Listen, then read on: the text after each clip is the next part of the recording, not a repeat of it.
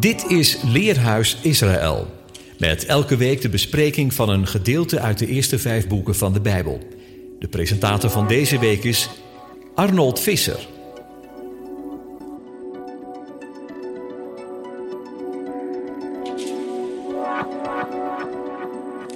Beste luisteraars, hartelijk welkom bij deze uitzending van het Leerhuis.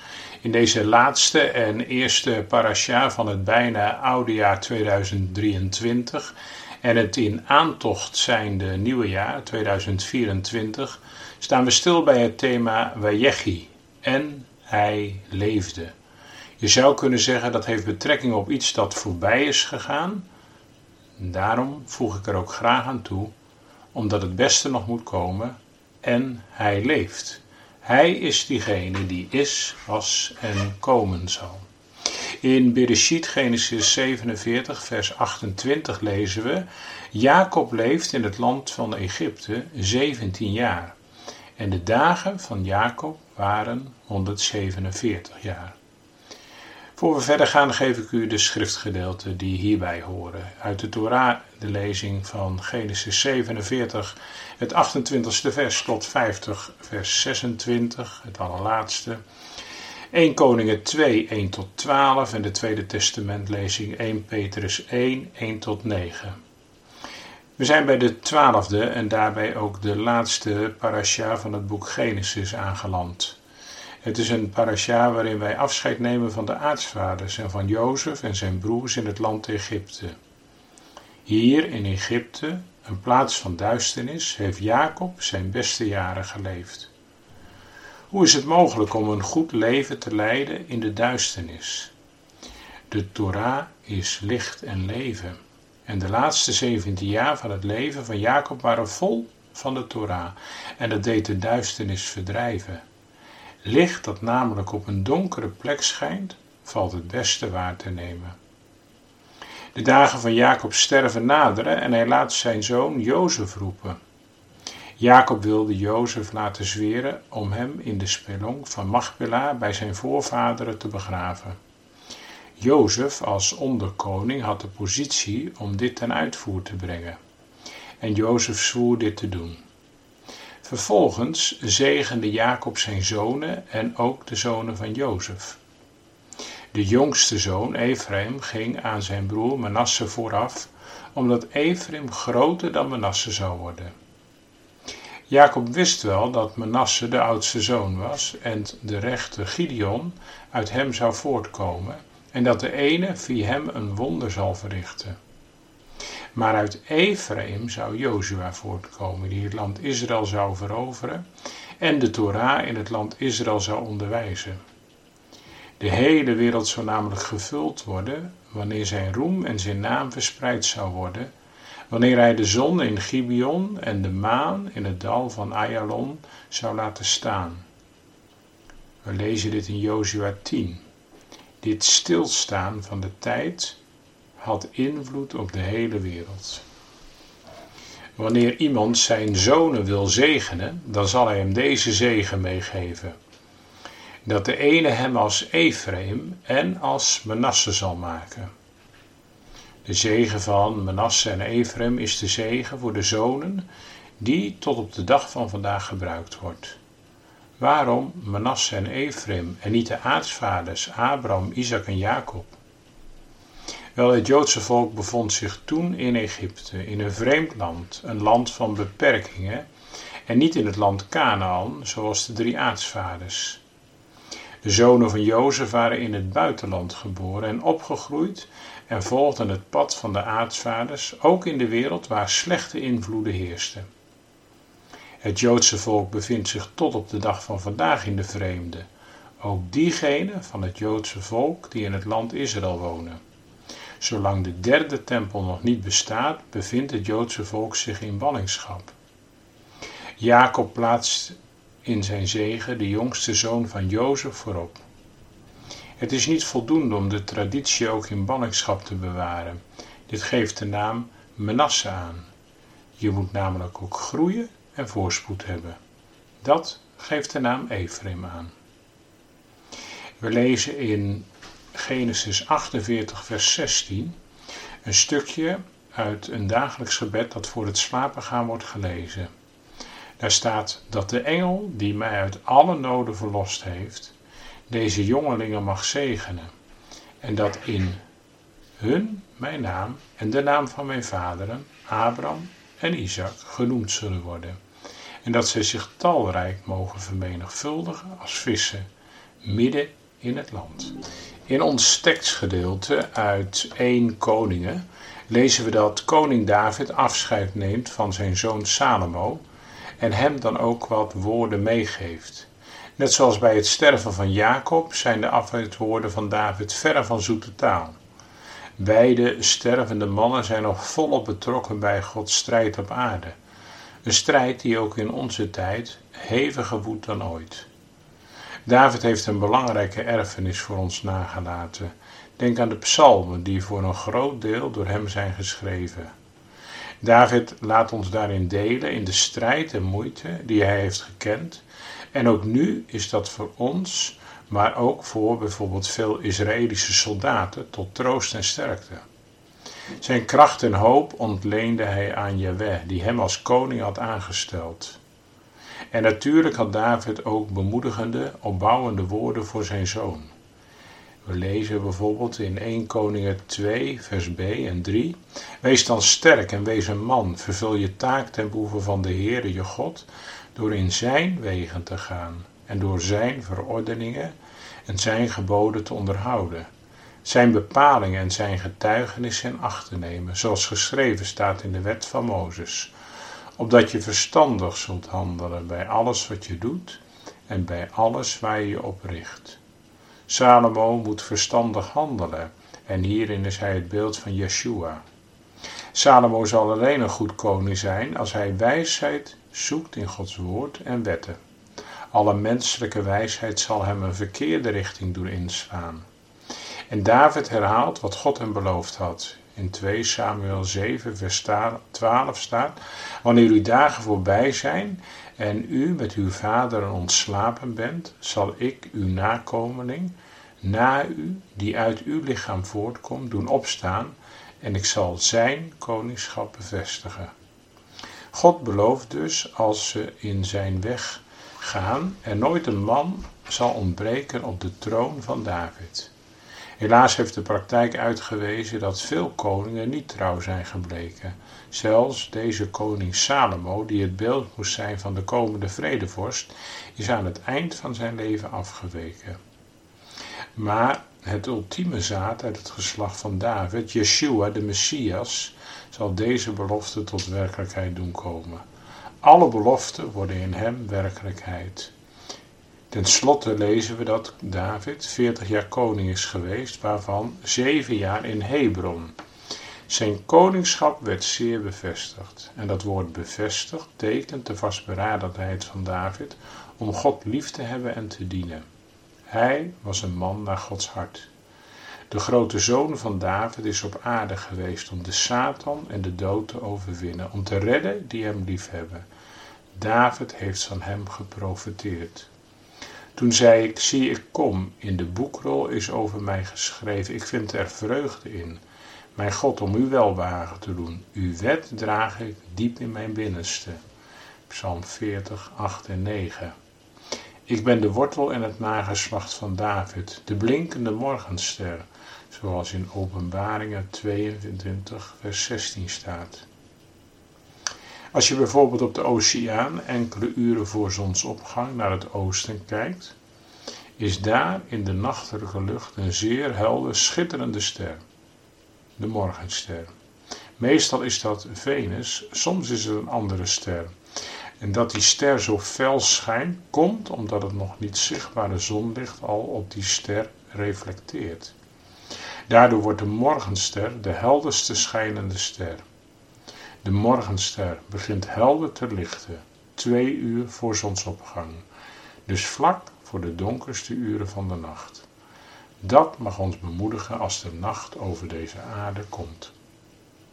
Een van de teksten die Jezus tegen zijn leerlingen zegt, lezen we Johannes 14, vers 6. Ik ben de weg, de waarheid en het leven. Niemand komt tot de Vader dan door mij. Bedoelde Jezus dit als een oproep, een aansporing om in Hem te gaan geloven? Een opmerking die ook vaak wordt gebruikt met het oog op de Joden. Het staat er toch duidelijk: zonder Jezus geen leven met God. Dus moeten ook de Joden zo vlug mogelijk in Jezus geloven, anders gaan ze verloren. Bedoelt hij het misschien niet als een oproep, maar als een realiteit? Dat, dat het geheim is van het leven met God dat dat altijd zo geweest is. Neem nu koning David lang geleden. Die leefde toch ook bij God? Of beter, God was dicht bij hem. Daarom kon hij Psalm 23 schrijven. De Heere is mijn herder, gij zit altijd bij mij.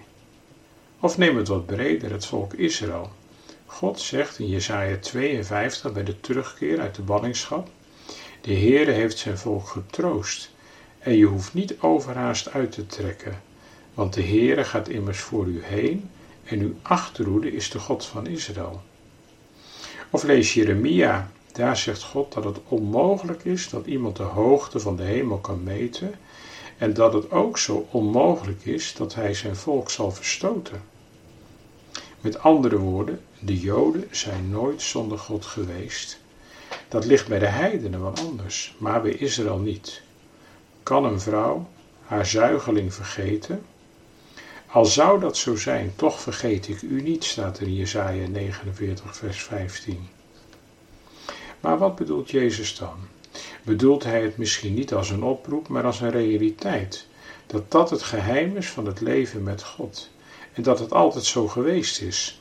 Dat de Messias, de Zoon van God, in feite de dragende kracht is van het leven met God. Dat de weg naar God toe altijd via Hem heeft gelopen. En dat Hij die werkelijkheid nu aan de discipelen onthult. Het woord waarheid dat Jezus gebruikt heeft een bijzondere vorm. Emet, of zoals het geschreven wordt, emt, drie letters. En het begint met de eerste letter van het Hebreeuwse alfabet en het eindigt met de laatste. De zoon is het begin en hij is het einde. Hij is diegene door wie alle dingen hun bestaan hebben. Hij is diegene die straks als de koning der koningen de heilsgeschiedenis met zijn komst zal voltooien. Hij is de Alpha en de Omega. En hij is, dat is de middelste letter van het woord emet, de M of op zijn Hebreeuws de mem, de letter die als getalswaarde 40 heeft. Dat is het getal waarmee door God in de Bijbel telkens de volkomen tijd wordt uitgedrukt. Daarom zijn er 40 dagen regens bij Noach duurt de woestijnreis 40 jaar, is Mozes 40 dagen bij God en wordt Jezus 40 dagen verzocht. Met andere woorden, de Zoon, het Woord, de Messias, vult met Zijn aanwezigheid de tijd. Hij is de eerste en de laatste en alles ertussenin. Dat is het geheim van de schepping, van de heilsgeschiedenis, van de verzoening, van de voltooiing en van het bestaan en het leven van Israël. Het bestaan van Israël begint al voordat Israël er is, in het wezen van de Zoon. Ja, er moet geloofd worden. Er moet geloofd worden ter ere van God en er zal geloofd worden, maar niet voordat dat zo is. De Zoon wordt niet door mijn geloof wie Hij is. Ik geloof, maar mijn geloof is nooit het begin geweest. Ik heb God niet overgehaald om naar mij om te zien door te geloven. Mijn geloof is niet eens iets van mijzelf. Het is notabene een uitlopen van het geloof van Jezus. Nee, het is allemaal uit Hem en door Hem en tot Hem. En zo was het al in de tijd van David, Mozes, Jacob en lang daarvoor. Net zoals in het boek Genesis God het hele plan al heeft aangegeven met deze wereld en met de gemeente. Alles staat al in dat boek genoteerd. Dat is zo opmerkelijk. De eerste profetie van Noach, naast Henoch en Lamech, geeft aan dat Gam in zijn zoon Canaan wordt vervloekt. En geprezen wordt de God van Sem. Sem is naam, Gam is donkerheid, Canaan is koopman en Jafet is uitbreiding. Geprezen zij de God van Sem, Dat wordt voor het eerst van een mens gezegd. Wanneer God geprezen wordt, dan zal dat zijn als de God van Sem. Israël was al reeds uitverkoren door God in de persoon van Sem. God bepaalde toen al met welke van de families hij zich zou verbinden. Daar ligt al de oorsprong. Vaak wordt gezegd bij Abraham is het volk ontstaan via Isaac en Jacob, maar feitelijk begon het bij Sem. Hieruit kun je de conclusie trekken dat het nageslacht van Gam en Jafet, en dat is uiteindelijk de hele wereldbevolking, hun zegen zullen vinden bij Sem. Sem, Israël, is de spil van de wereldgeschiedenis. Hierdoor gaan we nog meer verstaan wat God tegen Abraham zegt. Wie u zegent, zal ik zegenen. Wie u vervloekt, zal ik vervloeken. Dat geldt tot op de dag van vandaag. Diegene die Israël werkelijk zegent, wordt gezegend. Maar die hem vervloekt, wordt ook vervloekt. Kijk maar in de lijnen van de wereld en je ziet dat steeds terug. Zelfs in het duizendjarig rijk zullen we dat zien. Die volken die Israël niet willen dienen, gaan ten gronde. Dat zegt Gods woord. Ze struikelen allemaal over Israël. Vanuit de schrift weten we ook dat God de volken rondom Israël gegroepeerd heeft. God zag Israël al te midden van alle volken op de navel der aarde. Mozes spreekt erover en die zegt: Toen de Allerhoogste aan de volken hun erfenis toedeelde, toen hij de mensenkinderen van elkaar scheidde, heeft hij de grenzen der volken aan vastgesteld naar het aantal der zonen van Israël. Israël is de bepalende, dat moeten we vasthouden voor de komende tijd. Niet Amerika, niet Rusland, niet China, niet Europa. De God van Israël is de bepalende. De eeuwige zegt: Ik zal een keer brengen over hun lot en mij over hun ontfermen. Dat is zoiets geweldigs en dat in het licht te zien van Satan, die erop uit is om dat volk te vernietigen. De ene heeft het in zijn hand. Hij heeft een plan en werkt toe naar dat plan dat al besloten lag in de profetie van Noach. Een zegen, een rugsplaats is er voor Java, dus voor alle volkeren van deze aarde, in de tenten van Sem, van Israël. Dat zal zijn wanneer de Heer zichtbaar in macht en majesteit als de Messias terugkeert op de Olijfberg. Dan zullen alle volkeren Israël gaan zegenen en erkennen als de meerdere. Dan zullen ze zich aan de eeuwige moeten onderwerpen. We lezen in Zacharias 14, 17 tot 19. Wanneer een volk niet optrekt om het Loofhuttenfeest te vieren, zal God de regen over dat land inhouden. Nu, wij zien wat er gebeurt wanneer de regen wordt ingehouden als er geen regen meer komt. Dat zal daar gebeuren. En in Jesaja 60 vers 12 staat wie Israël niet wil dienen, die gaan te gronden. Maar waarom is dit alles? Waarom is God zo bezig met dat volk? Waarom is dat volk zo bepalend? Waarom is dat de spil van de geschiedenis? Feitelijk heel eenvoudig. De Heer Jezus heeft gezegd tegen de Samaritaanse vrouw: Het heil is uit de Jood. En dat moeten we vasthouden. In Jesaja vind je steeds weer terug: Volken zullen uw heil en heerlijkheid zien. Ook wij alleen vinden onze rust bij de God van Sem, naam boven alle naam. Tot slot, God heeft het geslacht van Sem voor het laatst bewaard, de bruiloft van het lam met de beste wijn voor het laatst. Sem, de vader van Heber, dat wordt apart genoemd. En dat heeft een diepe betekenis. Heber betekent doortrekker, pelgrim. God zoekt ook vandaag Hebers. Dat zijn doortrekkers, pelgrims, die maken zich geen naam op aarde en die slaan de tentpinnen niet vast. Die zoeken Gods koninkrijk, die eren de God van Sem en leven vanuit genade. Doen we mee met de wereld? Zijn we gevoelig voor de aantrekkingskracht van Babel? Gam is donkerheid. En het is heel donker geworden in de wereld. De twijfel en de verwarring neemt toe. Zorg dat niemand u verleide. Wat zijn u en ik? Een Hebreeër, een doortrekker, een pelgrim, op reis naar ons eeuwig huis? Zien wij uit naar onze bruidegom? Misschien vandaag. In een naam, in zijn naam ligt alles besloten. En dat, dat is nu openbaring. Met deze parasha ben ik aan het einde gekomen van mijn laatste uitzending.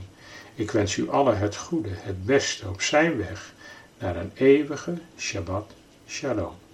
U luisterde naar het programma Leerhuis Radio Israël. Een wekelijkse studie aan de hand van de Bijbelgedeelten die wekelijks door de Joodse gemeenschap worden gelezen. Heeft u een vraag of opmerking? Stuur dan een e-mail naar info radioisrael.nl. Het leesrooster vindt u op onze website. Ga naar radioisrael.nl en klik onder het kopje radio op programma's.